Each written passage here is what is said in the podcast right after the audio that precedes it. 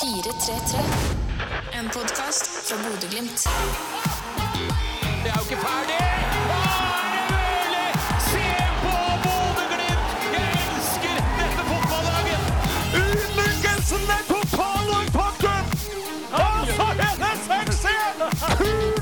Altså!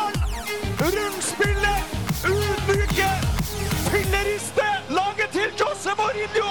Og han kommer ikke til å dra fortlokk fra Bodø! Ja, jeg blir aldri lei av å høre den eh, intro-jingelen der. Hjertelig velkommen skal du være til 433 Bodø-Glimt sin helt egne podkast i samarbeid med K. Hansen Optikk.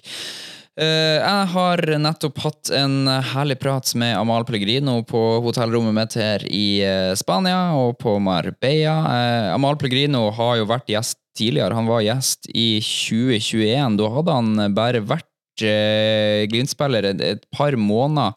Så denne episoden du nå skal få høre, den handler på en måte om tida derfra og fram til i dag. Eh, så hvis du nå trodde at du skulle få høre masse om eh, oppveksten og Drammen og eh, karrieren fram til han kom til Bodø-Glimt, så vil jeg anbefale deg bare scrolle tilbake i episodene og finne episoden fra november 2021.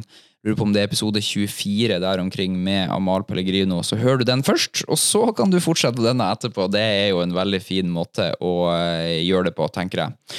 Uh, har ikke noe mer å si jeg, før vi bare åpner døra her og ønsker Amal Pellegrino hjertelig velkommen inn i mitt lille provisoriske studio. 433. Det er en eh, lavoddser at ukas gjest bøtta inn mål hver gang han entrer en fotballbane. Han er toppskårer i 22, han er toppskårer i 23. Han har eh, poengrekorden i Eliteserien. Han er årets spiller, dobbeltseriemester. Skåringa hans skår viralt på internett, og navnet hans hjemsøker stadig den evige stad. Velkommen til 433, Amal Pellegrino. Tusen takk. Så fin intro. Ja, Det må jo gjøre litt stas når årets spiller i Eliteserien 2023 kommer på besøk. Mm, vi må redigere den litt. Eh, fjorårets eh, spiller, årets spiller. Ja, riktig. Men det var i 2023. Ja, det var i 2023. Ja, men nå er på en måte Du mener at ved nyttår så var tittelen borte? Ja, du vet. Eh, spist er spist. Nå, nå driver vi og gjør oss klare for en eh, ny porsjon og, og et nytt år. Ja, det er veldig bra. Men du, eh, først og fremst, hvordan går det med deg? Jo, det går bra. Eh, I hvert fall når vi kan spille fotball med, med vanlig tøy og ikke trenger å fryse i 15-30 minus, eh, sånn som hjemme i Norge. Det har vært en fryktelig vinter de få dagene jeg var hjemme, så det er fint i Marbella. Ja, og i år har jeg vel ikke sett deg med Buffen eneste gang her nede, så eh, litt varmere i temperaturene enn det det var på La Finca i fjor, f.eks. Vi hadde jo kulderekord i Drammen, 31,5 minus. Ja. Så jeg tror kroppen merka at eh, ok, det er eh, stor forskjell, så dette her er ikke kaldt. Men etter at de flytta treninga med en halvtime, så merker jeg at starten, eh, starten er litt kald, så jeg savner bøffen min. Men eh, det går, det går seg fint til eh, utover økta. Ja, det er bra. Du, hvordan er det? Du er jo en uh, familiefar, og uh, vi vet jo at du uh, setter stor pris på tid med familien din. Det å være på en treningsleir som det her, og nå 14 dager uten å være dem, hvordan er det for deg? Nei, dette her er jo egentlig den hardeste perioden eh, hvert år. Så når vi drar hjem eh, på ferie til Drammen, så pleier vi å pakke, pakke litt eh, større. Så blir jo dem helt fram til eh, De blir i Drammen helt fram til eh, etter eh, Ajax-kampen. Så det er alltid den perioden her som er tyngst, og i hvert fall når man har en, et nytt barn som bare har blitt ett og et halvt år. og det skjer veldig mye i, i livet på, på den perioden der, så det er eh, ekstra tøft. Men eh, hvem er jeg som kan klage? Jeg, jeg får lov til å gjøre det jeg alltid har drømt om. Eh, jeg lever jo drømmen min med å være profesjonell idrettsutøver, så jeg er veldig takknemlig for det. Og, og vi får trene på fantastiske forhold. og og Glimt legger virkelig til rette for oss. så man er nødt til å gi og ta litt i, i livet, og det her er vel kanskje den perioden hvor det er litt tung, men, men samtidig så gjør det jo at laget eh, skal prøve å sette seg best mulig fram eh, i løpet av for en eh, ganske lang sesong. Mm. Og Det blir en lang sesong, og uh, den begynner jo tidlig på. Uh, Ajax allerede 15.2, bortebane der, og, og nå har man jo trent seg opp til den type uh, motstand tidlig noen år nå. Men hvordan syns du det ser ut på trening i laget for din egen del så tidlig som vi er nå, per, per nå, da? Nei, jeg syns laget begynner å sette seg mer og mer. Det begynner å få inn eh, ja, de nye ideene litt, eh, litt, her og der. Og det er eh, litt, litt nytt med 2024-sesongen, måten vi skal spille på. Og det gjør jo det er jo derfor det er bra at man har så mye tid sammen. og Selv om det er veldig mye dødtid og folk er for seg selv, men når vi først jobber her, så får vi jobba ordentlig. Eh, og værforholdene også gjør at man eh, får virkelig, får virkelig gjort det man eh, har lyst til. Og, og for min egen del så ja, har jeg kommet, eh, kommet tilbake igjen og har hatt en eh, ferie hvor jeg kan trene litt og jeg har løpt litt på mølla for første gang siden 2018-2019 med tanke på akillesproblemene. Så nei, jeg føler meg som en helt, eh, helt ny mann for tiden. Så jeg er i fin form, og ja, det, det blir bare bedre og bedre. Ja, Det høres jo veldig bra ut. Det har kommet, eh, altså Morten Kalvenes eh, dro til Japan eh, før denne sesongen. Så har Gaute Helstrup kommet inn fra Tromsø. Hva er ditt inntrykk som en av de som skal spille under Gaute, av den nye treneren? Nei, Det var jo selvfølgelig kjipt at uh, Kalnes uh, forlot skuta, men uh, sånn er fotballen. folk forsvinner hvert eneste vindu i, i, Glimt. Det er jo en sånn klubb vi har blitt. At gjør du det bra, så, så, får du andre tilbud. Og noen er så attraktive at man hopper på dem. Og Morten fortjener jo det. Han har vært vært i Glimt lenge, vært i Norge lenge og ville kanskje prøve noe nytt. Men uh, så har vi fått uh, ny trener i, i Gaute, og, og, og det har kommet med veldig mange ideer og sånne ting. Men det er nok ikke han jeg har jobba mest med. Jeg tror nok uh, han har jobba litt mer med den bakre delen. Så, men du ser at det er en mann som har en uh, høy og fin stemme og, og, viser at han er her og tar, tar, sin plass. og Jeg tror det kan bli veldig bra. Mm, han har jobba med forsvarsspillerne, men det er jo de du møter på trening hver dag. Har du merka at de har blitt vanskeligere å passere og skåre mål på? Det så vel ikke sånn ut i går, gjorde det det? Bare en liten hilsen til Odin der. ja, eh, han fikk kjørt seg i går. Ja, jeg måtte, måtte, bare si det, ut, for han, han, drev og slengte litt dritt i gangen i stad, så da passa det, det, fint å fyre litt ekstra. Du, Helle, du nevnte i stad at uh, når man er på sånn leir som det her, så er det en del dødtid. Jeg ser jo noen av guttene sitter og spiller football manager, noen spiller kort. Uh, hva bruker du liksom, alle timene man ikke er på treningsfeltet eller i matsalen på? Nei, jeg har jo med kofferten min, jeg, da, så ja, jeg spiller jo Call of Duty og Fifa. Så det går helt for seg mot kveldene der. Og ja, vi er vel eh, ca. 16 stykker av barndomskompiser som spiller sammen og er i samme miks, og du kan tenke deg det volumnivået der. Ja, det, Vi trenger nesten ikke beskrive det. Nei skjønner at det tar litt hardt eh, for seg. Du, eh, Pelle, du har jo vært eh, gjest i den podkasten her før, og er førstemann som får lov til å komme tilbake, så det får du jo skrive i margen. Sist gang du var her, det var liksom midt imellom bortekampen mot Roma og heimekampen mot CSK Sofia i det første gruppespillet Glimt var i Conference League. og det har jo skjedd litt siden det. Altså, vi har jo litt å snakke om. Eh, du har blitt eh, seriemester to ganger, spilt to cupfinaler, vært i gruppespill, utslagsrundene i Europa en rekke ganger, blitt toppskårer i Eliteserien to ganger, tatt poengrekorden fra Philip Sinkernagel, skåra årets mål, blitt kåret til årets spiller. Her har vi litt å gå igjennom. Hvordan, altså, da du var her sist, så hadde du vært Glimt-spiller i et par måneder. Nå har du vært Glimt-spiller i tre år. Hvordan, hvordan, skal man på en måte oppsummere tida di i Bodø? Nei, det er jo ja, Hvem hadde trodd alt dette?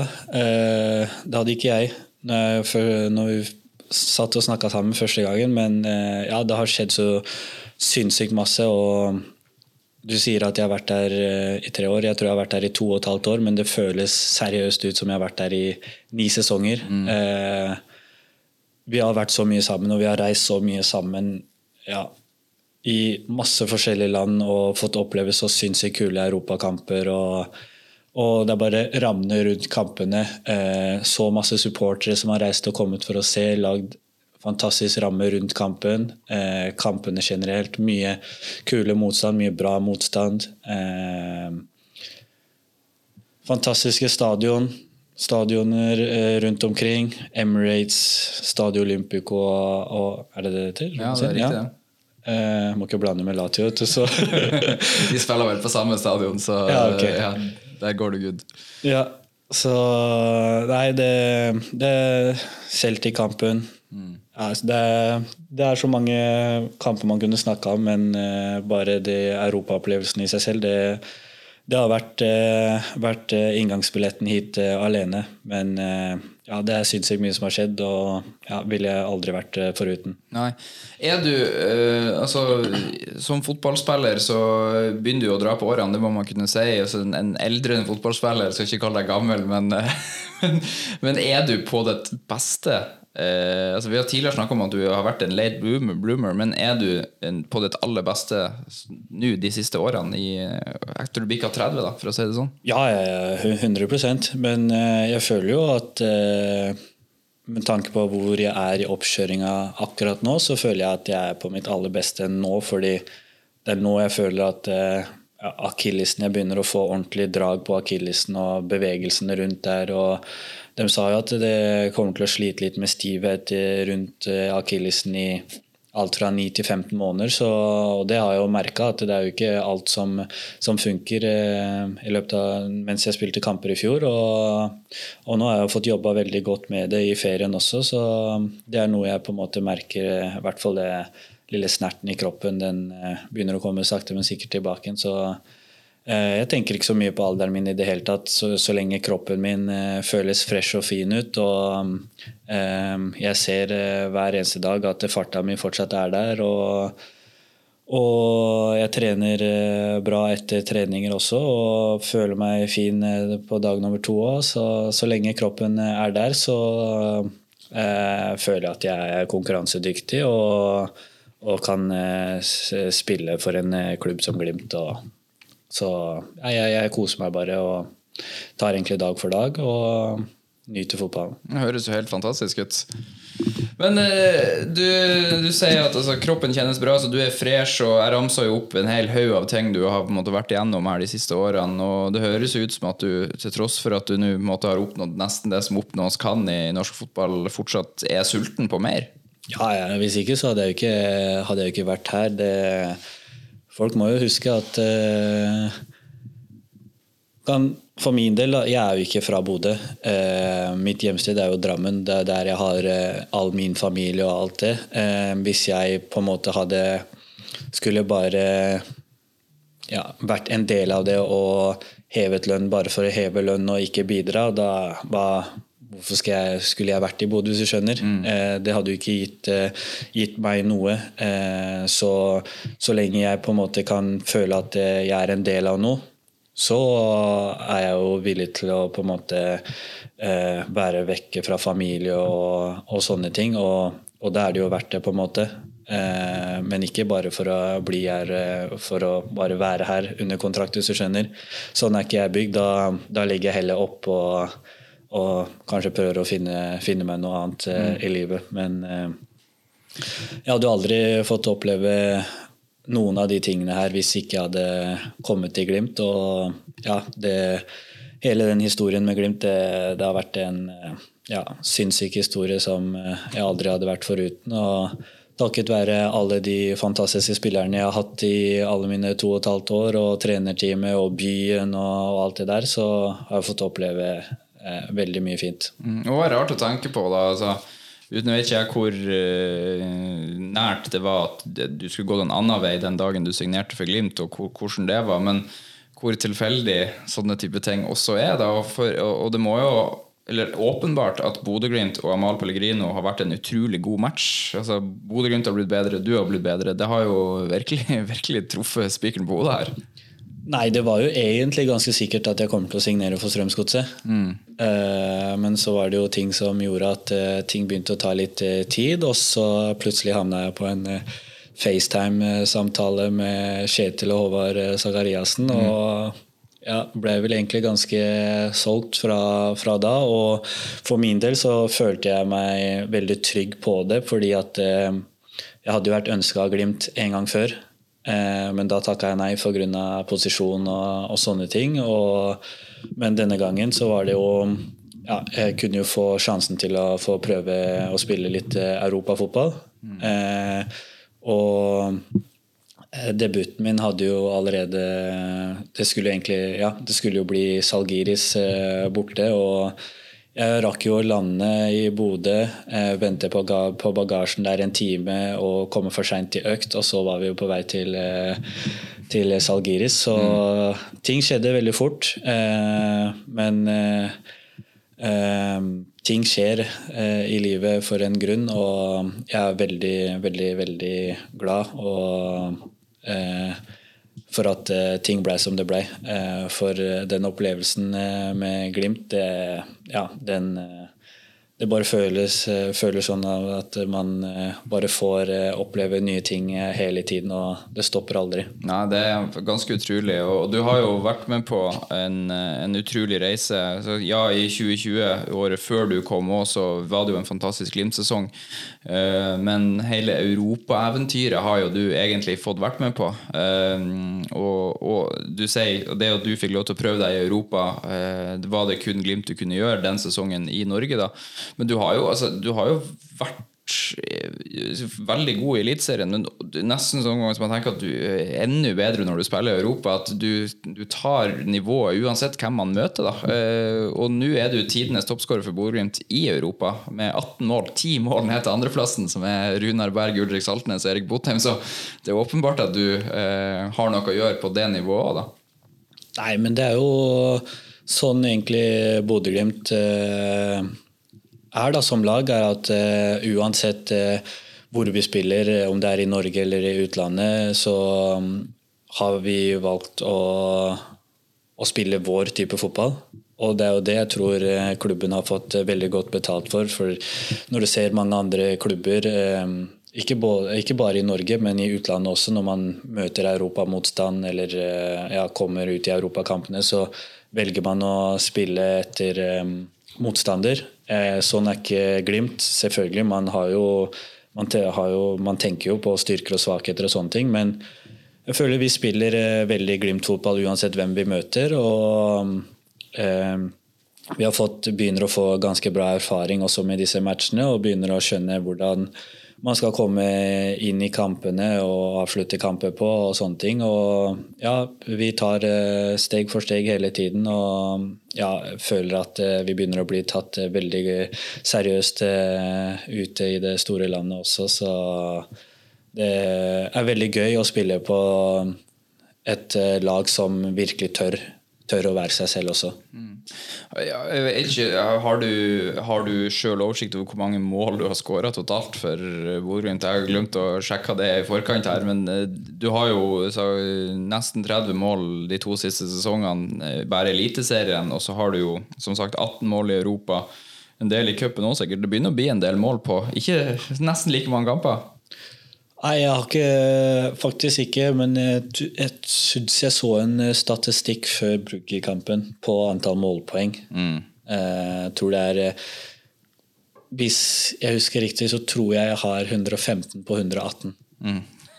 Det er ganske vill statistikk. Ja, det er fin den, men eh, kan ikke ta æren eh, bare på, for meg selv. Det, jeg, jeg, som jeg sa, jeg har spilt på et sinnssykt godt lag eh, med masse bra fotballspillere eh, før og nå. Og det å spille på et lag som Glimt Du får mye gratis, men eh, jeg også føler jeg kommer jo til eh, min rett med tanke på vår spillestil. og ja, får bruke min X-faktor. Og ja, kanskje en av mine største X-er er eh, å være en god poengplukker. Så, og det passer jo bra når man spiller på et uh, veldig godt og offensivt lag. Ja, det er ingen tvil om det. Jeg vet jo at Du har på en måte denne toppskårertittelen i Eliteserien. Du jaga den jo veldig i 2020-sesongen, og så endte du et mål bak. To. to mål bak Kasper Junker, eh, som bøtta inn mål på et helt ellevilt Bodø-Glimt-lag den sesongen. Eh, I 21 så kom du tilbake, spilte kun høstsesongen i Glimt. Da ble det seks mål eh, i Eliteserien. Men så, i 22 og 23, så har du blitt toppskårer i Eliteserien. Eh, Hvordan har det vært? Jeg vet, det er jo noe du på en måte også har hatt veldig lyst til å få til. da. Hvordan var det å endelig bli toppskårer i Eliteserien?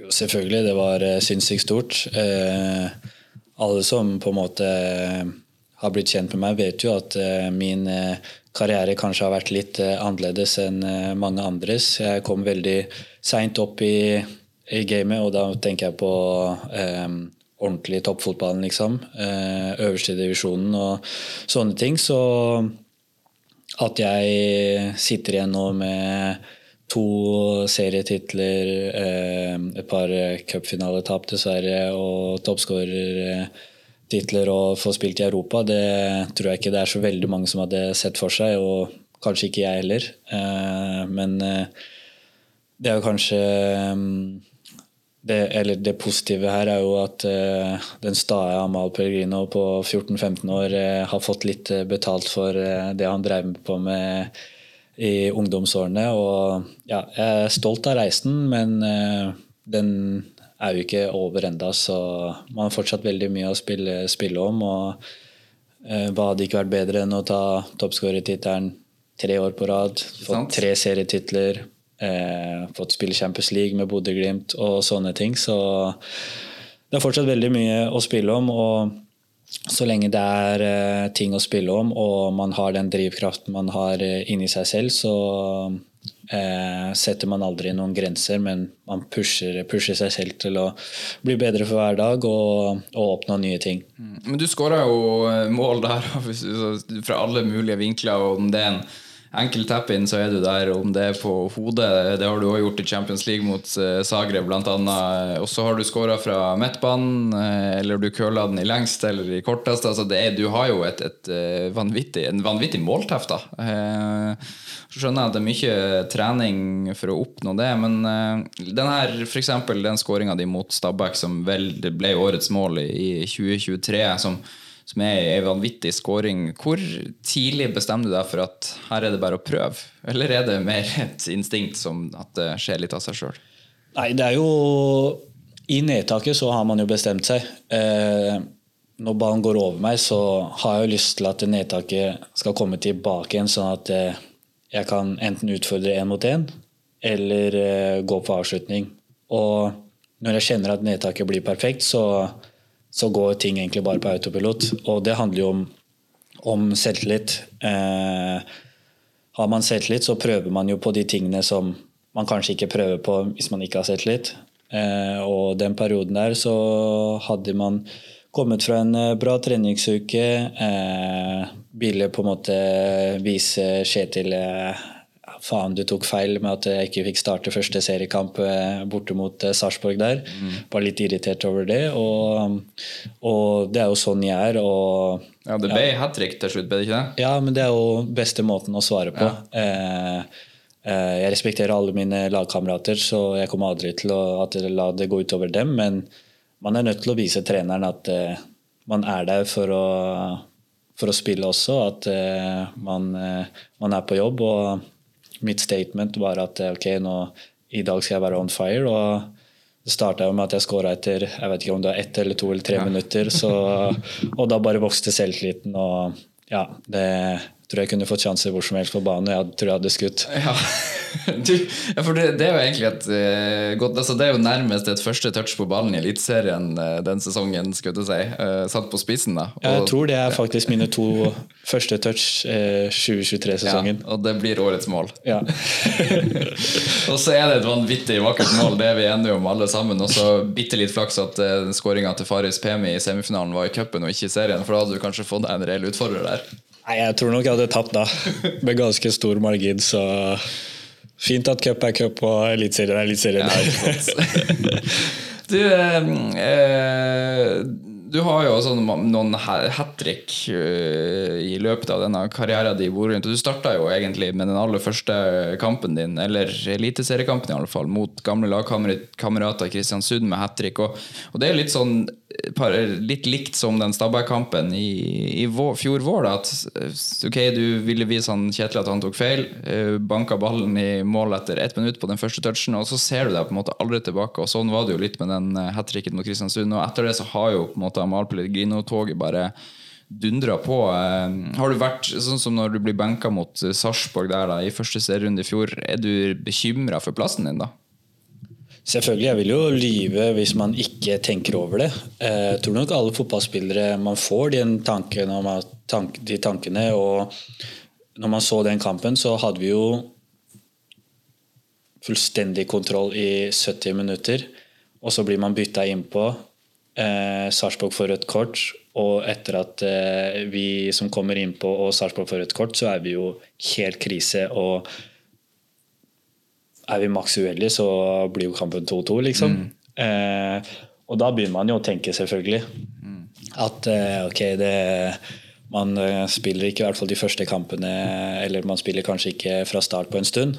Eh, så Det skal jeg innrømme, og det er jo fordi at man har veldig mange gode fotballspillere her i Glimt. De som starta, det var Joel Mbuka som er solgt eh, for 60-70 millioner, og Sondre Sørli som jeg har spilt med og vet alle kvalitetene hans fra vi var i Kristiansund sammen. Og, og det er jo ikke sånn at det, jeg i mitt hode tror at jeg er ti ganger bedre enn noen som helst. Eh, og jeg vet at eh, konkurransen her er så, så tøff at eh, hvis man eh, ikke er på her, så er det mange andre som banker på og har lyst til å spille fotball. og Det er jo kanskje derfor at man er på tå og hev her eh, i Glimt hele tiden og er nødt til å vise seg fra sin beste side hver eneste dag. Ja, og Selv om du er en, en eh, spiller som Uh, leverer jevnt over på et høyt nivå, uh, kan komme inn og avgjøre kamper, skåre mål fra utrolige vinkler. Så har det jo selvfølgelig vært en og annen kamp der du ikke har vært med, da, sånn som mot Sarpsborg, bl.a. borte mot Molde i år, hvor du måtte stå over med karantene, og så har det likevel gått bra, som jo er et tydelig tegn på at det står spillere bak sjøl toppskåreren og banker på døra, og er man ikke på tå så kan man bli kicka ut. Selvfølgelig. Og de unggutta som er her i dag, de er, eh, de er sultne, og de de har jo lyst til å få en eh, fin karriere og jobbe godt. Og, og det er sånn det skal være. Eh, så jeg håper at de, uansett om man ikke spiller så mye, at man virkelig legger ned en innsats. For, eh, for det man gjør nå, det på en måte betaler seg utover en, en lang karriere. og og det er mange her som eh, virkelig eh, har mye de kan oppnå i fotballen, så, så lenge de har hodet på plass og, og jobber veldig godt for det. Hvis vi skrur tida litt tilbake da, til ja, rett før jul i 21, når Glimt er i Mjøndalen og med seier, eller det er vel med uavgjort, så blir Glimt seriemester. Og så Der går det vel bare noen sekunder skulle jeg si, før Erik Botheim snapper opp en feilpasning og legger på 1-0, og så går det noen minutter til, og så er du alene med keeper og på en måte ja, hva man skal si, punktere kampen, nærmest. Fortell litt om opplevelsen din av uh, den kampen på en gammel hjemmebane. Uh, være med på å skåre og avgjøre seriegullet.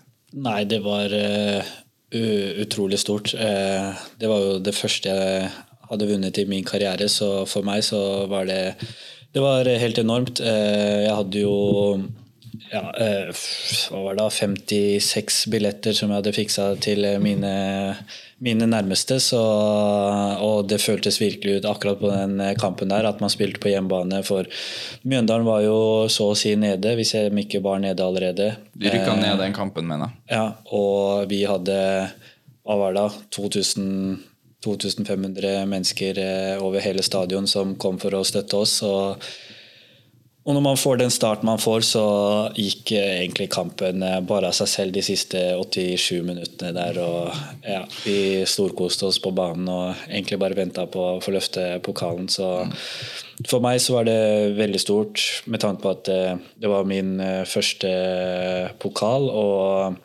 at det var jo Du kan jo kalle det litt hjemmebane, for jeg er jo en Drammensgutt og kjenner jo de traktene inn og ut, og jeg har spilt for Mjøndalen og sånne ting. Så det var, eh, ja, det var utrolig stort, og et minne man eh, kommer til å ha for resten av livet. Mm, det er jo ganske utrolig, sånn sett, liksom, som du sier, på en på hjemmebane nærmest. Og så føles det som at Glimt har hjemmebane òg, for du er inne på det 2500. Jeg lurer på om det var ca. 5000 på den kampen òg. Vi hadde fått halvparten av billettene, nesten som på en cupfinale. Eh, og og du, du sier det, så dere kosa dere de siste 87 minuttene. Hvor, hvor tidlig skjønner du at ja, det her går veien, her er det bare å leke seg? Den tida der så hadde vi jo Botheim på, på laget. Da. Ja. Og Botheim var vel kanskje ikke kjent, eh, den som var kjent for å ha fokuset helt sånn på plass eh, 100% hele tida. Og jeg er jo kanskje litt lik. Eh, sliter veldig med å konsentrere meg. Så når vi går opp til 2-0 der, og jeg og Botheim vi er på vei og går opp, eh, oppover til midtbanen sammen med Sol, så begynner vi å snakke om at ja, deilig med et seriemesterskap. Faen, altså. så det, tankene begynte å gå litt sånn ut allerede etter 3.40 der, så nei, det, det er et kult minne, og vi snakker mye om det når vi møtes, vi gutta, så det er, ja, det er veldig kult. Mm, Og når dommeren da omsider endelig blåser i fløyta etter at også Fredrik André Bjørkan har skåra, så Glimt vinner jo 3-0 komfortabelt, så er man seriemester, og det blir banestorming og pokalheving, og jeg vet ikke hvor mange av de 56 vennene dine som storma inn på banen, men det var sikkert et, en utrolig opplevelse. Ei første som eh, hopper på meg, det er jo bestekompisen min og mamma. Så, og det hadde jeg aldri sett for meg, at mutter'n på 60 år eh, der skulle hoppe opp på meg på en banestorming. Så, men eh, ja, det, det er kult at man eh, får de minnene sammen med de nærmeste også. Og, og alle de tilreisende supporterne som reiste helt til Mjøndalen for å få oppleve det etter, etter et litt uh, tyngre året før med tanke på korona og sånne ting, og ikke fikk uh, kanskje feira Glimt på en ja, optimal måte, så syns jeg det ble, det ble eh, en bedre feiring. Men eh, feiringa vi hadde i fjor, ble jo ordentlig fin, med tanke på at det var på hjemmebane. Og også det eneste som mangla den dagen, er at eh, man fikk løfta pokalen eh, Ja, den dagen, mot Ålesund. Riktig.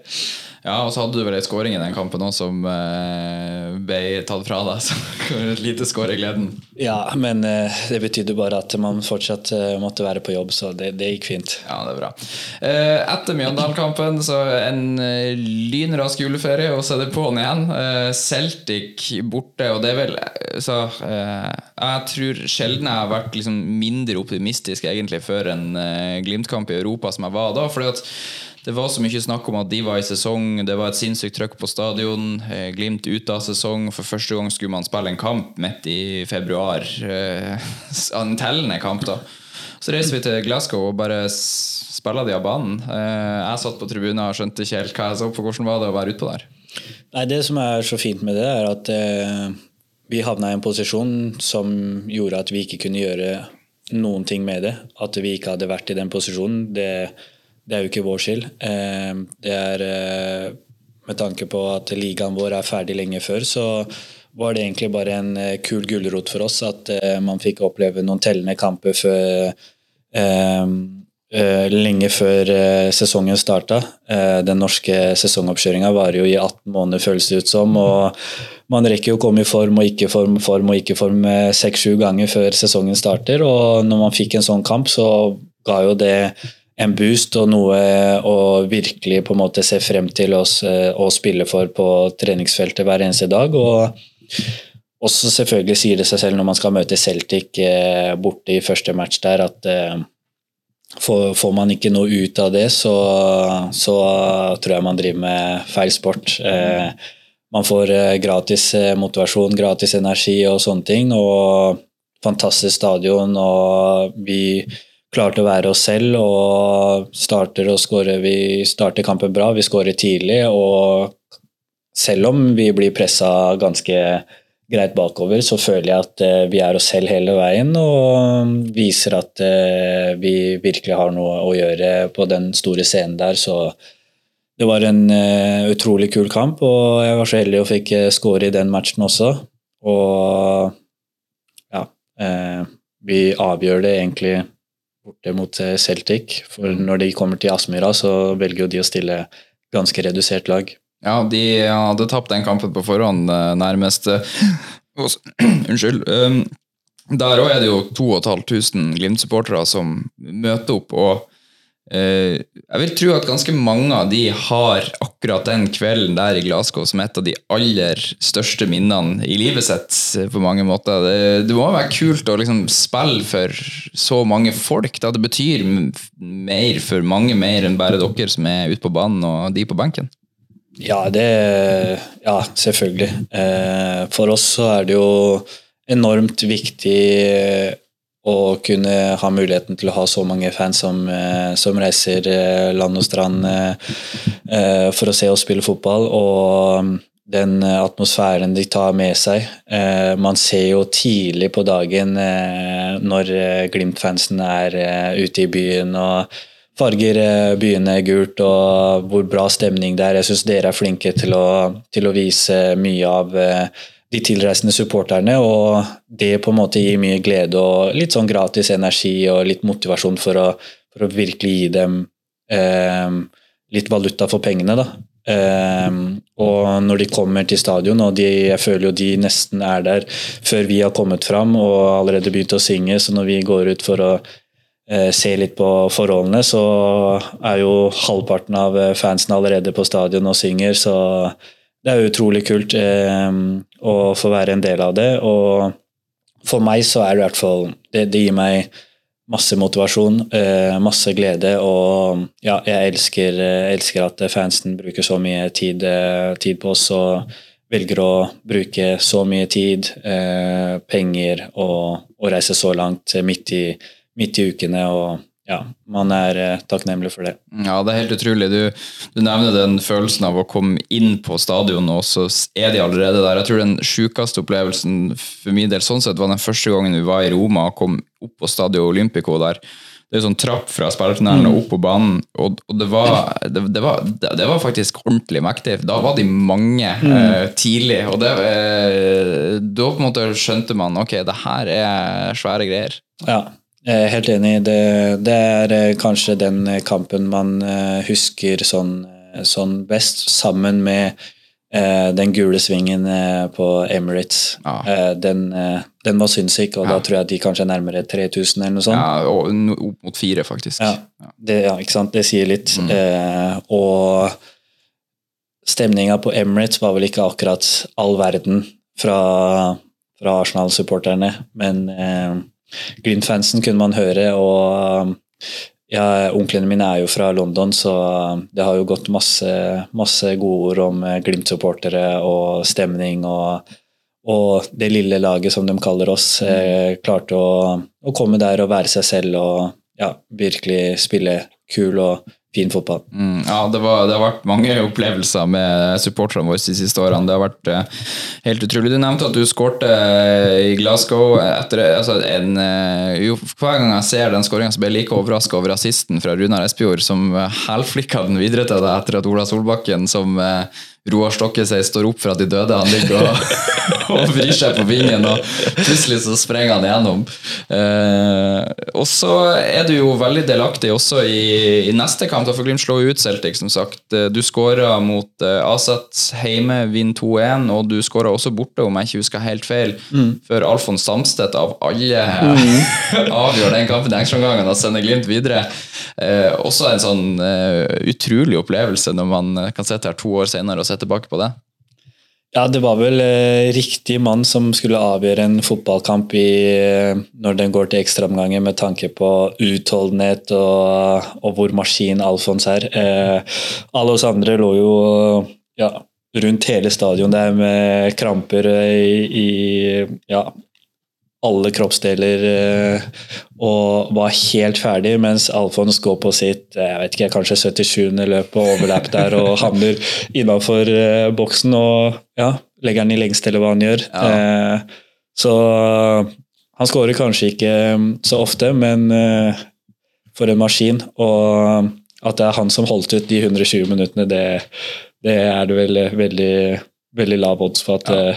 det er han som sto på beina, for å si det sånn. Ja, og stakkars Alfons som eh, hadde ett av sine få mål for Bodø-Glimt, om det ikke var det første i en bortekamp mot Alta på høsten der. Og så havna han i dopingkontroll. Eh, Det gjorde han vel òg, men, men, men eh, han hadde jo eh, Det var jo NRK som hadde rettighet til den kampen, og sendinga deres klappa jo sammen når han skåra. Så den skåringa er det ingen som har sett. Eh, ja. Den fins ikke på video, eh, og det var jo fram til Alfons skåra mot Aset det eneste målet han hadde i Bodø-Glimt-drakt, så eh, det var godt at han fikk en Når han først skulle skåre igjen, da, at det ble et ordentlig mål. Såpass er det, jeg har ikke fått med meg. Så eh, det er jo en historie, det òg. Du, eh, vi trenger å hoppe litt sånn over den, den våren i 22. Altså, for vi Glimt gjør det utrolig bra i Europa med å slå ut Celtic, og Aset stoppa det mot Roma. Får for så vidt en god start i Eliteserien nå, men så går dere på en, en eh, liten knekk i mai måned, der, blant annet med tap i cupfinalen og avslutt. Dere starta vel og avslutta den måneden med å tape for Molde, både i cup og serie. og og mista litt henget på den serietabelltoppen. Hva er det som skjer, eh, hvis du klarer å huske tilbake med tanke på den fantastiske starten dere hadde på det året? Off, det, det er så mye som har skjedd, vet du, så det er jeg redd for at man begynner å snakke, og så går ting litt sånn eh, Litt, eh, ja, fram og tilbake her. Men eh, eh, 2022-sesongen så følte jeg, som du sier, at vi starta veldig bra. Eh, kanskje de europakampene gjorde at eh, man havna litt, litt sånn eh, midt i sesongen, at man blei litt sånn eh, Hva skal man si? Eh, tunge i kropp og huer og, og sånne ting. Man var ikke vant til det. Man gikk jo fra å spille eh, 30 kamper i løpet av en sesong til å, til å spille Jeg vet ikke hvor mange man endte på, under 50 eller Ja, det eh, var 56, tror jeg, den sesongen der i 22, ja, så, så ganske mange. man merka jo hele den sesongen. og jeg som sleit så mye med akillesene mine, ble jo bare verre og verre og begynte egentlig bare å knaske mer og mer piller for hver eneste dag som gikk. og Stjal jo med meg de pilleboksene med meg hjem for å, for å klare å øh, overleve dagene og hente i barnehage og sånne ting. Så det var en øh, lang og krevende sesong, men øh, eh, etter at vi tapte i hvert fall cupfinalen, og i hvert fall hjemme mot eh, Molde på Aspmyra, så mista vi egentlig ja, eh, alt Mista heng på dem. Vi, jeg vet ikke om man mista litt troa på det og, og sånne ting. Og sleit vel egentlig bare på å finne, finne vår måte og tilbake til oss selv. og Det var jo mange spillere som hadde forsvunnet. og og sånne ting, og nye spillere som skulle inn, og de som kom inn også, var jo i hvert fall ikke vant til, eh, vant til eh, det kampoppsettet, og det var jo ikke jeg heller, for jeg kom jo bare fra en halv sesong med Glimt, og, og så det var, eh, det var tungt, men eh, jeg tror at man lærte veldig mye av den sesongen, og det tror jeg gjorde at eh, når man fikk den knekken som vi gjorde i 2023-sesongen, så så på en måte var man litt bedre rusta mentalt og forberedt på det, og hva, man, hva som skulle til for å snu det igjen. Og selv om vi brukte litt tid i 2023 også, så, så kom vi oss i hvert fall på Vi kom ut på den riktige sida og fant oss selv, men eh, avslutninga på 2023 også skulle jo selvfølgelig endt eh, på en annen måte hvis man eh, kunne forvalgt. Ja, det er klart. Så, som du er inne på, det, det, hvis du ser på den kalde knekken da, som dere har i 22 kontra den knekken som er på sensommeren i 23, så er det ganske stor forskjell der den i 23 er snakk om fire-fem kamper. Det er tap mot Tromsø og Viking og et par uavgjort mot Rosenborg og HamKam annet. En seier mot Haugesund imellom der, og det er jo egentlig ikke en knekk. Det er jo bare at det kommer på et litt ubeleilig tidspunkt, og at man da selvfølgelig taper for Tromsø og Viking som er oppi der i, i lammet dere. Og 22-sesongen er jo selv om den er tung tidvis, totalt sett en fantastisk sesong. Hvis vi ser på europaeventyret på våren, sølv i ligaen, eh, også for noen herlige kamper på slutten der med Hugo Vetlesen som sleivsparka ballen i krysset på overtid og snur kampen mot Viking der, og eh, ja, sølvet som man sikra til slutt i Drammen da, på Marienlyst. så Eh, Det ble noen fine opplevelser av den sesongen også, til tross for at det bare ble sølv, om man kan si det så cocky. Ja, men eh, jeg føler jo i hvert fall vært, eh, de to situasjonene så er det vel eh, Store forskjellen er jo kanskje overgangsvinduet i sommeren, i hvert fall for 2023-sesongen. Vi var jo helt fantastiske i vårsesongen. Vi vant ni av de første ti matchene. Uavgjort hjemme for Brann. Og så så blir jo Joel og Hugo solgt, og så er det jo nye som skal inn. Og så klarer vi kanskje ikke helt å finne ut av, eh, ut av eh, det. Eh, og det bruker vi kanskje litt, litt for lang tid på å knekke de kodene der, men vi klarer det til slutt. Og, og får jo en fantastisk fin sesong utenom det uansett, så Men ja. Ja, Det er jo ingen tvil om at eh, det er vanskelig å sitte her og etter eh, to gull og ett sølv på de siste tre sesongene, og, eller ja, faktisk to sølv og tre gull på de siste fem sesongene, så, så er det vanskelig å sitte og si at en sesong har vært dårlig, for det har det jo åpenbart ikke. Og, og 2022 Eh, så får man jo også oppleve denne Champions League-playoffen mot Dynamo Dinamo Zagreb, som eh, hadde bortemålsregelen fortsatt eksistert, så hadde Glimt vært i gruppespill i Champions League. Det er ganske utrolig å tenke på. Du skåra vinnermålet i den første kampen hjemme på Aspmyra. Fortell litt om hele den der opplevelsen med Champions League-sirkuset, som dessverre bare ble i to kamper. Nei, det var utrolig stort å få bære Champions League-merket på, på Aspmyra. Eh, å få stå der og se alle de stolte, stolte supporterne som, eh, som, kom på match der, og reise seg opp for Champions League-hymnen og, og, få høre på den sammen med dem, det, det er virkelig gåsehud. Og, og, det er jo Ja, kampen i seg selv er vi, vi var gode, men vi klarte aldri å få ut eh, makspotensialet. Eh, vi møter et veldig defensivt lag som, som kom til Aspmyra for å få med seg et resultat. og jeg husker etter kampen der, når de legger seg ned på bakken og jubler over at de bare har tapt 1-0, da skjønte jeg ok, Glimt har virkelig blitt eh, et stort lag der ute, og folk er virkelig redde for oss. og det viser bare hva man har gjort på de få årene man har fått spille fått muligheten til å spille europafotball. og Når man tenker tilbake til det, så er det veldig kult med tanke på at eh, det bor 50 eh, 000 mennesker i Bodø, og, og, eh, de andre vi møter, er, de har en stadionkapasitet på langt over vår, vår innbyggere. Så det, det er sinnssykt stort. og men eh, de to Champions League-kampene føler jeg at eh, det eneste vi mangla, det var eh, kanskje Si den troppen, de troppene som vi har hatt de siste årene, med antall. Da. at vi sleit jo litt med skader. og det var mange som blei skada i løpet av kampen, det var mange som ble bytta ut. Og folk som kom inn, var ikke 100 eh, friske og kanskje ikke burde kommet inn og sleit veldig med kroppene sine på de, de, de tidspunktene der. Og det gjorde at eh, vi aldri aldri klarte å konkurrere mot dem i de 120 minuttene, selv om vi kanskje var nære en periode i andre omgang der. Mm. Jeg har fått et lite spørsmål fra en som kaller seg J.I. Pettersen på Twitter. Han, eh, når vi er inne på dette med Champions League, han spør eh, om hvor stort vil det være hvis Glimt kvalifiserer seg til Champions League, og du skårer vinnermålet og Glimt vinner en gruppespillkamp. Det er jo kanskje langt fram i tid, men uh, jeg regner med at Champions League frister til gjentagelse for din del. Ja, hvor stort det hadde vært, det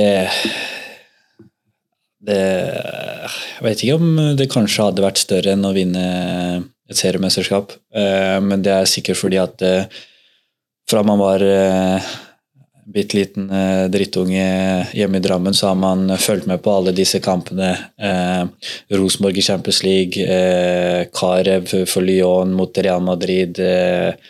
Barcelona på TV og sånne ting. Det er mange minner i Champions League som man har hatt opp igjennom. og Champions League eh, for meg er kanskje det største man kan eh, oppleve som eh, fotballspiller. Mm. Ja, Det blir en utrolig spennende sommer å se om eh, dere klarer å komme dere inn i det, det, gruppespillet der. Det hadde vært eh, utrolig kult. Det Gikk ikke i 22, isteden så ble det Europaliga, men ei kul gruppe, da, når man først havna i, på nivå to i Europa med Arsenal, PSV. Uh, Zürich, så gikk det ikke helt veien sånn resultatmessig sett over ett. Men uh, fin opplevelse med poeng i Eindhoven og seier mot Zürich ble det i alle fall.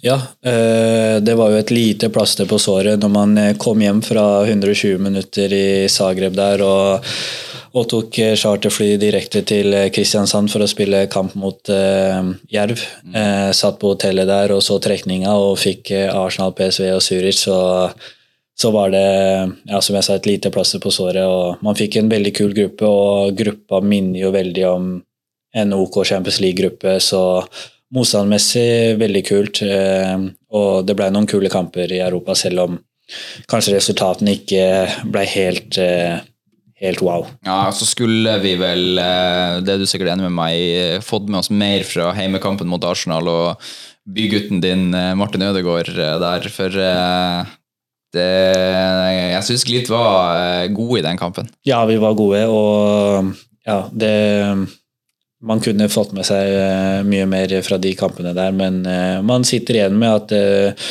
man leverte en ganske bra prestasjon, og selv om man ikke får tre poeng, så føler jeg man ga dem kamp, kamp til døra. og Man ser jo det på laguttaket også, at de tok Glimt veldig seriøst. og De bytter seg jo bedre også i løpet av matchen, og det viser jo bare at vi leverte en, en solid match.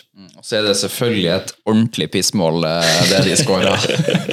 Marius Høybråten vel, som gjør en ordentlig god jobb for å få klarert ut den ballen, og dessverre så går klareringa rett i magen på en Arsenal-spiller og i mål. Ja, dessverre. Det, det, er sånn det skulle bli denne gangen. Ja, sånn er det. Du, Når jeg tenker på 2022-sesongen og Amal Pellegrino, så er det jo én ting som eh, stikker seg litt ut. Jeg hadde tidligere her eh, under treningsleiren besøk av Anders Konradsen i, i podkasten, og han fortalte om da han ble far Eh, og måtte hjelpe samboeren sin da, med fødselen på badet. Eh, du var ikke så veldig langt unna å måtte bli jordfar sjøl eh, den sesongen der. Kan du fortelle litt om, om hva var det som skjedde der?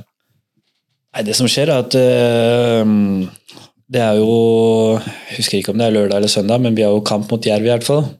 Eh, og fødslene begynte sånn cirka tre, mellom tre-fire eh, tida på natta der. og Fruen velger å ikke vekke meg fordi at jeg har match, så hun tenker at eh, jeg skal få hvile så lenge som det går. Og jeg våkner eh, 9.30 av eh, ei dame som peser og lager så mye lyder, og tenker på hva er det som skjer, liksom? Kødder du med meg?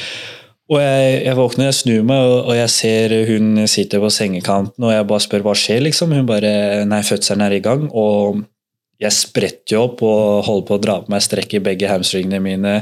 Og er ikke forberedt i det hele tatt, og driver og løper fram og tilbake på rommet der og spør ja, hva, hva gjør vi nå, liksom. Og hun sier nei, jeg har kontroll på klokka. Uh, riene er så og så mye mellom uh, ja, tidsgreiene der. Og hun føler hun har kontroll. Og jeg ringer sykehuset og sier at fødselen er i gang, og spør om vi kan komme. Og de spør hva tidsforskjellen er på riene. Jeg husker ikke hva det var, men det var, det var i hvert fall ikke noe til at vi trengte å stresse, tydeligvis. Men men eh, de ville at vi skulle komme inn, så um, vi hadde ikke bil akkurat eh, på den perioden der, så jeg bestiller taxi. Um, og så tar fruen eh, turen inn på badet, og så hører jeg bare hun spyr heftig. Mm. Og da tenker jeg Og så sier hun bare Nå klarer jeg ikke, klarer jeg ikke mer.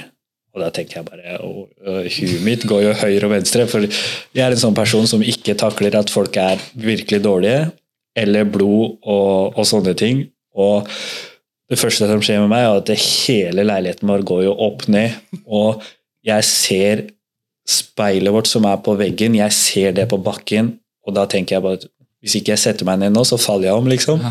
Så jeg ringer jo, jeg har tenkt å ringe sykehuset igjen, men jeg klarer å ringe politi, politiet. Jeg ringer 112 og driver og forteller dem hva som må skje, så sier de ja, jeg tror du har ringt feil, prøv å ringe dem. Så jeg bare å, beklager. Eh, legger på, ringer igjen, jeg ringer 112 igjen. Jeg har ringt feil igjen og gjør det samme tre ganger på rad. så til slutt så sier jo han eh, personen at eh, bare vent, jeg tar det så legger deg over. Så tenkte jeg bare, jeg kunne gjort det med en gang, men eh, Og da hadde de på sykehuset hørt at eh, det var litt stress i bakgrunnen, så de hadde sendt en ambulanse mot adressen vår, bare sånn tilfelle. Eh, og når jeg går ut av badet eh, med Alicia, for Alicia kommer jo inn eh, fordi hun hører at mora driver og lager litt eh, lyder på badet, så tar jeg med henne ut i stua, og det tar sånn seriøst sånn 15 sekunder, ikke det engang 10 sekunder. For jeg tar henne til stua og går inn igjen, så holder han eh, ungen. Og jeg blir jo helt sjokkert. Ehm, Det ringer på nede. Jeg begynner å krabbe bort til utgangsdøra vår, åpner opp og peker at hun er der inne. Og må bare egentlig bare få puste ordentlig i gang. Og ja, ting eh, gikk veldig bra. Vi fikk en eh, frisk liten gutt. eh, og det endte i hvert fall veldig fint også. Dra på jobb og skåre hat trick mot Jerv hjemme, så det er et veldig fint minne å ta med seg. og en fin historie til konfirmasjonsdagen til eh, lille Gabigol. Så nei, det, det var eh, litt av en dag, for å si det sånn. Ja, det er jo en utrolig historie. det er jo eh, vanvittig. Og, og, og at du i det hele tatt spiller kamp og skårer tre mål, det må, jo, det må jo ha vært surrealistisk. Ja, det, men eh, ja, det er eh, sånn eh, mentalitet vi har, eh, vi har i vår familie, er at eh, det var en perfekt anledning til å, til å dra på jobb, eh, hente seg tre poeng og virkelig hylle, hylle våre nyfødte. Så er bedre med å ta med en hat trick-ball hjem med, med datoen og autografene fra, fra hele klubben og, og gi, han, eh, gi han den når han blir eldre. Så, så det, det er veldig takknemlig for at jeg fikk lov til å dra av fruen. Eh, det er ikke sånn at jeg hadde dratt hvis eh, hun ville at jeg skulle blitt igjen på sykehuset. og jeg er veldig sikker på at Kjetil også eh, kanskje ikke forventa at eh, jeg kom på kamp den, eh, den dagen. Fordi at ting skjedde så fort når jeg spurte om eh, jeg kunne få, få lov til å bli med på sykehuset der. eh, Det er ganske sjukt. eh, Men jeg måtte ringe han opp igjen og spørre om jeg kunne gå glipp av kampmaten eh, tre og en halv time før der og bare møte direkte i garderoben, og det fikk jeg lov til. og jeg tror jeg får i meg en, en hel banan og en Red Bull før match, og resten av matchen så er det ren adrenalin fra hva som skjedde halv ti på morgenen der, og, og Nei, det, det var bare en helt sinnssyk opplevelse som ja, man ikke klarer å forestille seg utenom å ha vært i den selv, tror jeg. Ja, ja, det tror jeg på. Det er vanskelig. Og jeg skjønner at det var kaotisk og hektisk, Ja, men det- er mer enn det er vanskelig.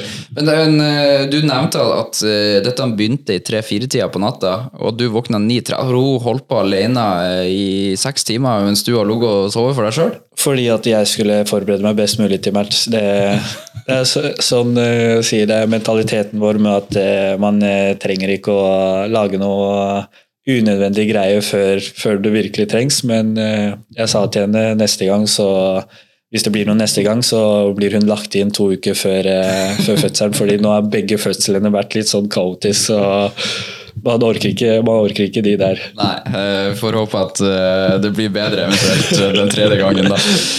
Du, eh, 2023-sesongen, da. Vi har jo vært litt inne på den allerede, men vi snakka bl.a. om denne kampen mot eh, Ålesund, der dere sikra seriegullet. eh, Heimekampen, eh, og hele byen får lov til å være med på eh, gullfeiringa. Det blir banestorming på Aspmyra og et ordentlig opplegg rundt det. Hvordan var det å få lov til å dele det øyeblikket med byen?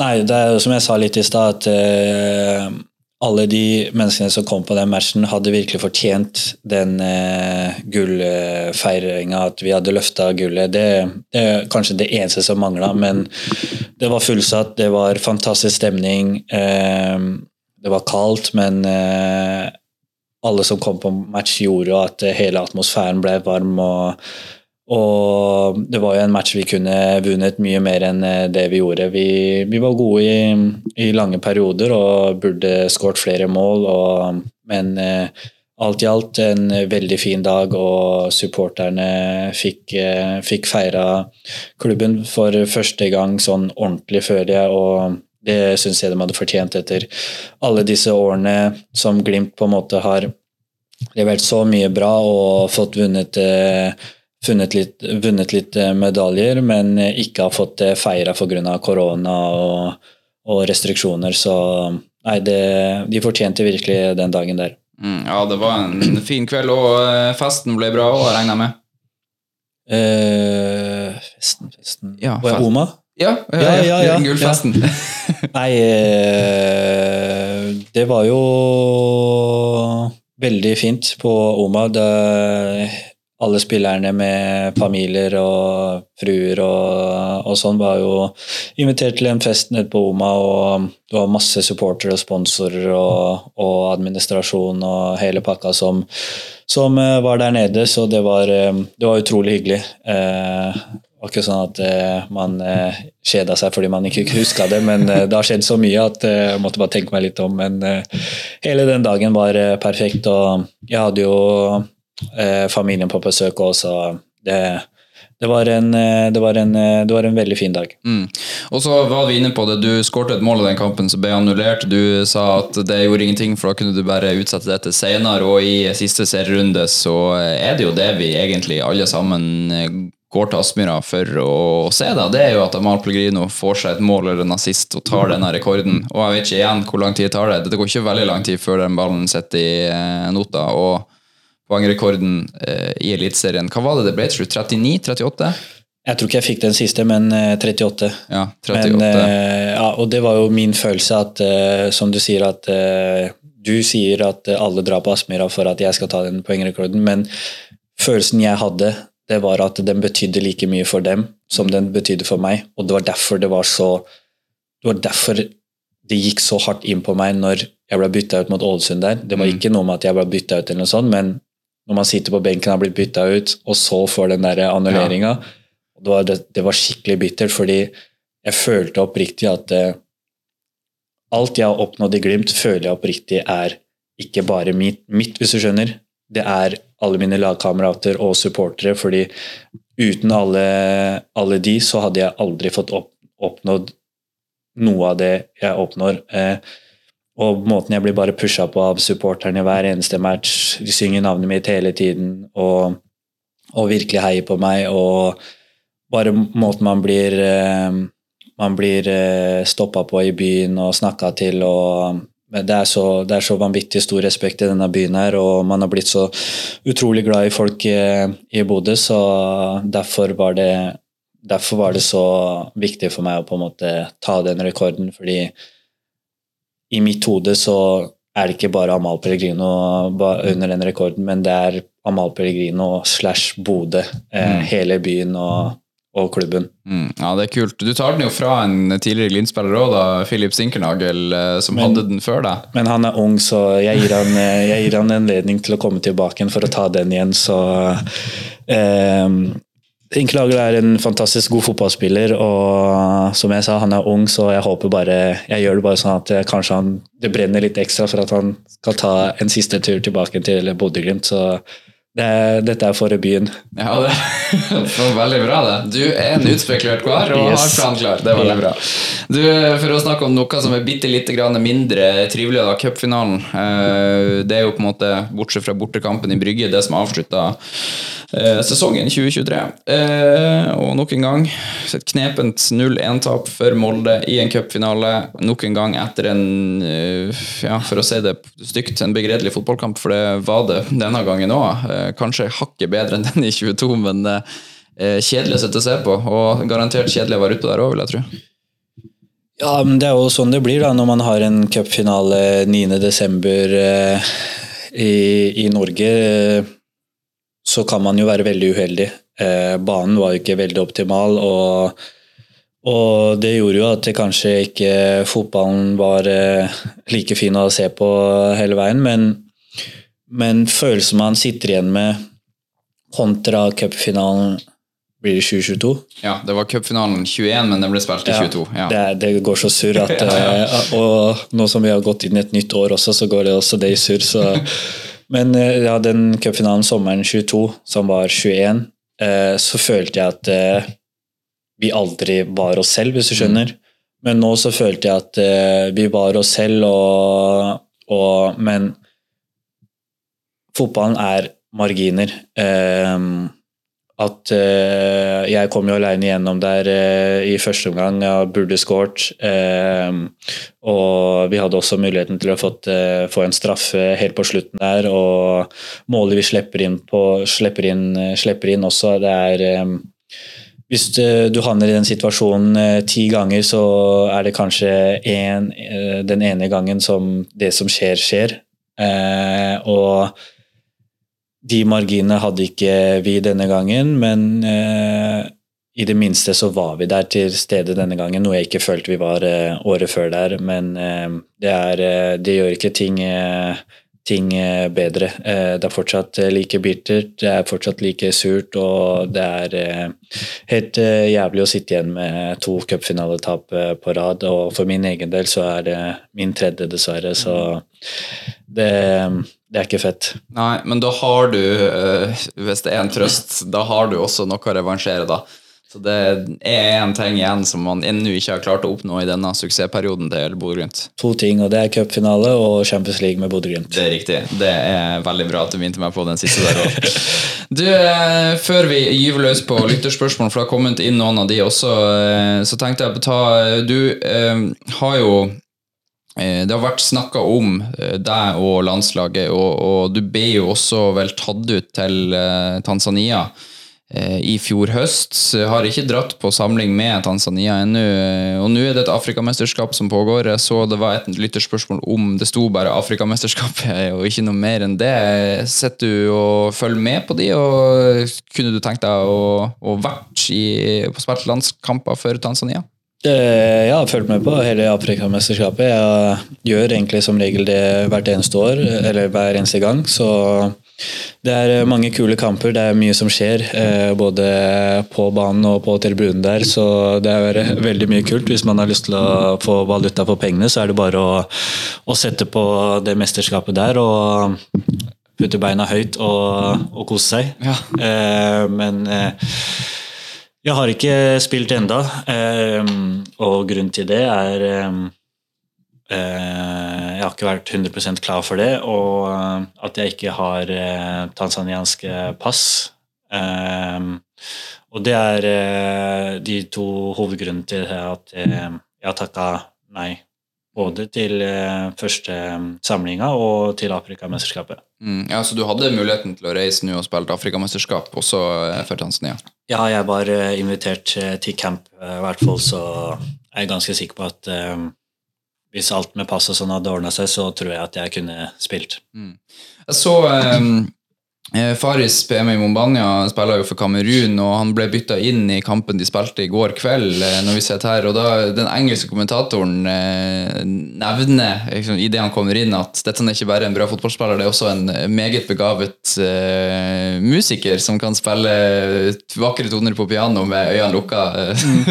Så de får med seg det som skjer i lille Norge òg, kommentatorene. Ja, det er tydelig det. Så ja, det at eh, Glimt også blir eh, nevnt i sammenheng i Afrikamesterskapet, er også kult. Så jeg har fått med meg alle kampene til Farris, og han kom inn der eh, i 74. minutt, og de slipper inn eh, eh, må 1-1 eh, i 75. der, og derfra ut så er det så sinnssykt mye som skjer, og det er jo tre mål til, og et fjerde mål fra Eh, Gambia. Gambias eh, Maradona som prøver å, prøver å dra en variant her på, som det blir 3-3, og VAR-avgjørelse som eh, annullerer målet. Så det, det er så mye, så mye som skjer i de kampene at uh, har man tid til over, så er det bare å sette på. Jeg kan eh, støtte deg, den og anbefale det.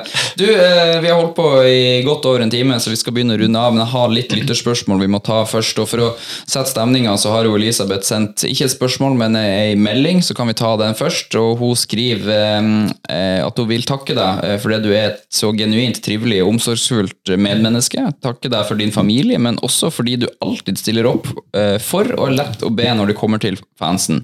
Alltid den som står igjen, tålmodig med ungene. Velsignet være deg, skriver Åte. Det var fine ord.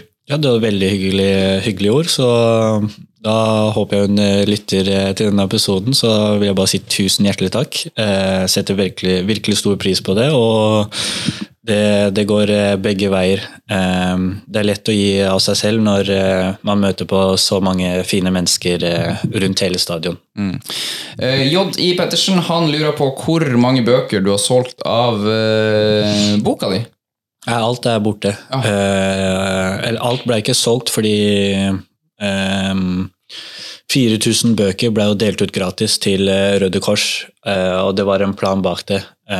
Så vi, planen var å ja, kalle det tjene inn det vi brukte fra egne penger, egne, egne, egne lommer, Um, og på en måte gi tilbake igjen og, og gi til eh, kanskje folk som eh, ikke har råd til det. Og, og det er derfor det ble gitt til Røde Kors, og at de kan ha litt eh, Litt eh, At de, de kan gi ut bøker her og der akkurat sånn som de vil, og ja, ikke trenger å ta en krone for dem. Mm.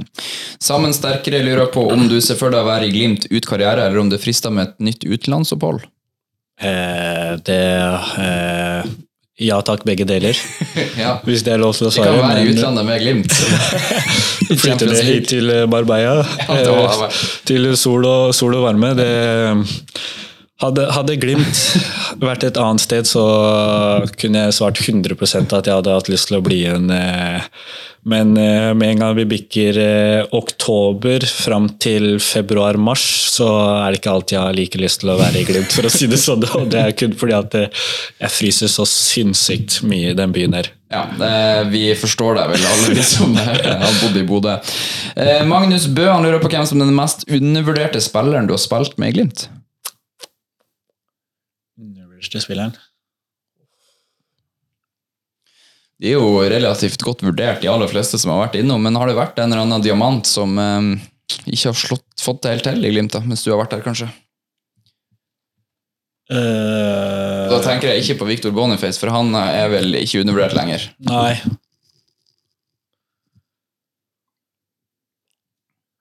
Jeg føler, føler at man har jo en eh, Si Fredrik Sjøvold, da. Mm. Eh, en gutt som har sinnssykt mye fotball i seg. Eh, kanskje ikke helt funnet eh, sin plass på laget med tanke på at han har Kall det fått den drittjobben med å måtte ta posisjoner sånn, litt sånn ut av sin egen posisjon pga. skader og, og sånne ting. Men han eh, blir satt opp hvor som helst på laget, men leverer en eh, like god match uansett hvor han blir satt, eh, satt opp. I fjor så spilte han høyrekant, han spilte høyrebekk, eh, anker, indreløper.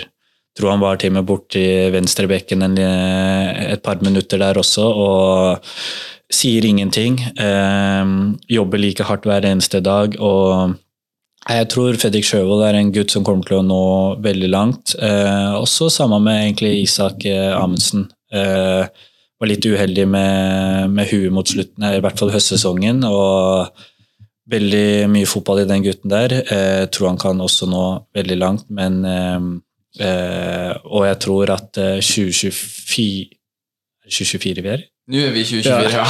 2024 tror jeg kan bli Isak, eh, Isak sin sesong. Mm.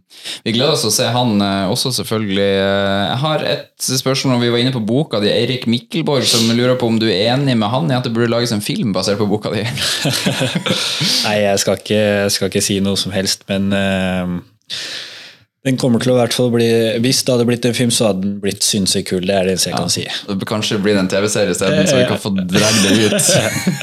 Snudd det, det hadde vært noe. Eh, Det er i hvert fall veldig mange kule karakterer eh, som eh, jeg tror folk hadde likt. Mm. Alt mulig og alt er mulig. eh, Og en fast lytter som alltid stiller spørsmål, han lurer på om du tror det er mulig å slå eh, poengrekorden din i Eliteserien om kroppen spiller på lag hele sesongen i 2024. Ja, ja, ja selvfølgelig. Eh, og det er eh, sånn man har allerede begynt å jobbe på ved- hvor, eh, hvor på en måte det, det butta litt imot. Eh, Jeg hadde en periode der hvor jeg ikke hadde målpoeng på seks-sju kamper. Det hadde jeg også året før. og det var på en måte noe jeg jobba mot inntil denne sesongen her, med å prøve å få luka bort. Men eh, det havna jo i en sånn periode igjen, og da blir det jo på en måte samme i 2024-sesongen og prøve å få luka bort eh, de der periodene hvor du går av lange perioder da, uten å være delaktig. og når man bare havner i den flytsonen og får et målpoeng her og der, så, så blir det jo mye til slutt. og det klarte jeg i hvert fall sommer, sommerperioden, men så butta det litt i høst, høstperioden der. Mm. Så kan man jo sånn sett gå noen kamper uten hvis man bare skåra fire mål mot Vålerenga i en enkel kamp også. Så Det hjelper, det. det hjelper på. Men nå har Eh, Vålerenga rykka ned, da, så det var jo min favorittmotstander, så det er jo litt synd. Så nå må jeg tenke på hvor jeg skal hente inn de målpoengene der. ja, du får spre det litt mer utover, da. Eh, Samme mann eh, eller kvinne lurer også på om du blir gretten om du byttes ut på slutten av kampen, eller om du ser litt eh, fordeler i å bli, få litt avlastning. Uh, kan bare svare ærlig, jeg hater å bli bytta ut. uh, kun fordi at uh, jeg alltid jakter mer. Men uh, jeg er også den som under uh, F.eks. hvis det er en som ikke har spilt mye, å komme inn. Eh, så det har ikke noe med den personen å gjøre. Så eh, hvis jeg skal svare på om jeg har lyst til å bli bytta ut mot slutten for å hvile, så nei. Spørsmål eh, fra Bergsprekken, så får du eh, vurdere om du er enig eller ikke. da. Eh, Han skriver Hei, Pelle. Hvorfor virker det som om resten av spillergruppa misliker supporterne? Du kommer ofte bort, men du som oftest alene, skriver han. Eller sjelden noen andre. Jeg vet ikke hva du tenker sjøl. Nei, Det har jeg ikke tenkt på i det hele tatt. Eh, men jeg vet at det er ingen som misliker supporterne. Eh, det håper jeg ikke i det hele tatt. Da, det hadde vært litt eh, kjipt, da. Men, Det hadde vært kjipt. men jeg er ganske Jeg tror vi er ganske enige om at folk, er, folk syns det er veldig gøy å få være en del av den kulturen som har blitt bygd i byen. Og, og når man Jeg har vært og spilt fotballkamper mot Bodø-Glimt. Eh, noen år tilbake og det har ikke alltid vært sånn som det ser ut på, på Aspmyra, for å si det sånn. Og å være en del av det her som skjer i byen nå, er i hvert fall utrolig kult. eh, Og det er nok ikke bare for min del, det tror jeg er for eh, alle sin del. Ja, og så vet vi jo at det er veldig mange altså Folk er jo forskjellige, og spillerne selvfølgelig Der det er mer naturlig for deg kanskje å gå bort, så er det andre som syns kanskje det er vanskeligere på et eller annet vis. Men vi vet jo at spillergruppa setter stor pris på det supporterne Ja. gjør, og det gjør hele klubben. Så har jeg jo en datter som elsker å gå rundt på Aspmyra, og jeg tror nok hun eh, føler seg som en større stjerne enn eh, det jeg gjør, og hun vil gå hele runden, så kanskje Kanskje uten henne så kanskje jeg også hadde mislikt supporterne. Nei. Nei, men du er jo, du sier du sjøl, du blir fort kald, så da hadde du kanskje sprunget tidligere i garderoben. ja, det kan godt hende. Du, eh, Vi tar helt til slutt siste spørsmål fra en som kaller seg Klegg på Twitter, som um, lurer på hvordan du klarte å holde på drømmen om å bli fotballproff liksom, i den perioden før du endelig slo igjennom. Eh, det er eh, Jeg var kanskje altfor naiv, da. Eh, jeg har alltid vært sta. Eh, jeg hadde aldri noe plan B i livet. Eh, og kan innrømme at eh, når både din nærmeste familie og venner begynner å fortelle deg at eh, nå er det kanskje på tide å finne på noe annet, kanskje begynne å studere igjen og, eller finne seg en jobb, så begynner man jo å, å få tankene på at kanskje man ikke får eh, oppleve fotballdrømmen med å bli profesjonell og sånne ting, men eh, ja, unge Pellegrino var så sta at eh, han sitter eh, her den dagen i dag. Det er eh, takket være at eh, han aldri hadde noe plan, plan B, og har jakta den drømmen her med alt han har eid og, og hatt, og ja, brukt utallige timer på fotballbanen for å, for å være her i dag, så det handler jo om å ha troa på seg selv, tror jeg. Mm. Ja, det er vi veldig glad for, at du var eh, sta. Du sier naiv, nå viser det seg at du var ikke så veldig naiv. Du eh, visste kanskje hva du drev med hele tida. Eh, det fikk man til å tenke på. Du har jo skrevet om det i boka di, snakka om det før, og dette med at du ikke trivdes noe særlig på skolen. Og nå nevner du det med å studere igjen. Eh, En eller annen gang skal jo sannsynligvis fotballkarrieren de også ta slutt. Eh, Er du ville du vært klar til å hoppe tilbake på skolebenken for å få flere bein å stå på, eller er du fortsatt like Syns du skole fortsatt er like vanskelig? Jeg syns nok skole er fortsatt eh, like vanskelig. Eh, Det er jo fordi at jeg alltid har eh, slitt med konsentrasjonsvansker. Eh, Så jeg tror det å bare sitte stille i et eh, klasserom ikke er noe for meg. Men, eh, men jeg skal ærlig innrømme at jeg tenker jo på det hver eneste dag, om at eh, kunne ønske at eh, jeg hadde klart å kombinert eh, to ting sammen, og det er jo eh, tatt skolen seriøst og på en måte hatt det vitnemålet i baklomma. Og kanskje gjort noe med det etter fotballkarrieren, men det klarte jeg ikke. Jeg blei heller en eh, pøbel som bare lagde kaos der, og, og ikke ga meg noe som helst eh, å sitte igjen med den dagen i dag. Så til eh, lille Pellegrino så burde jeg gitt han en liten klapp i bakhodet og bedt han skjerpe seg i hvert fall. Ja, nå har du sittet stille i 1 time og 18 minutter her hos meg og holdt konsentrasjonen ganske bra, så, så kanskje du har tatt noen steg, og så er vi veldig glad for at du gjorde det, Pelle. Tusen takk for praten. Jo, tusen takk for at jeg fikk være med. Det var eh, utrolig givende. Ja, tida går fort i godt selskap. Også denne gangen, heldigvis, eh, hyggelig prat med Amal Pellegrino, som eh, på ingen måte er ferdig i Bodø-Glimt. Eh, og jakter fortsatt både mål og eh, cupfinaler, Champions League og seriegull. Og det er utrolig gøy og inspirerende. Ikke minst vi som har blitt glad i Amal Pellegrino, håper jo at han blir her for evig. Jeg har ikke noe mer på hjertet for i dag. Tusen hjertelig takk for at du lytta på, på gjenhør. Ha det bra, og heia Glimt!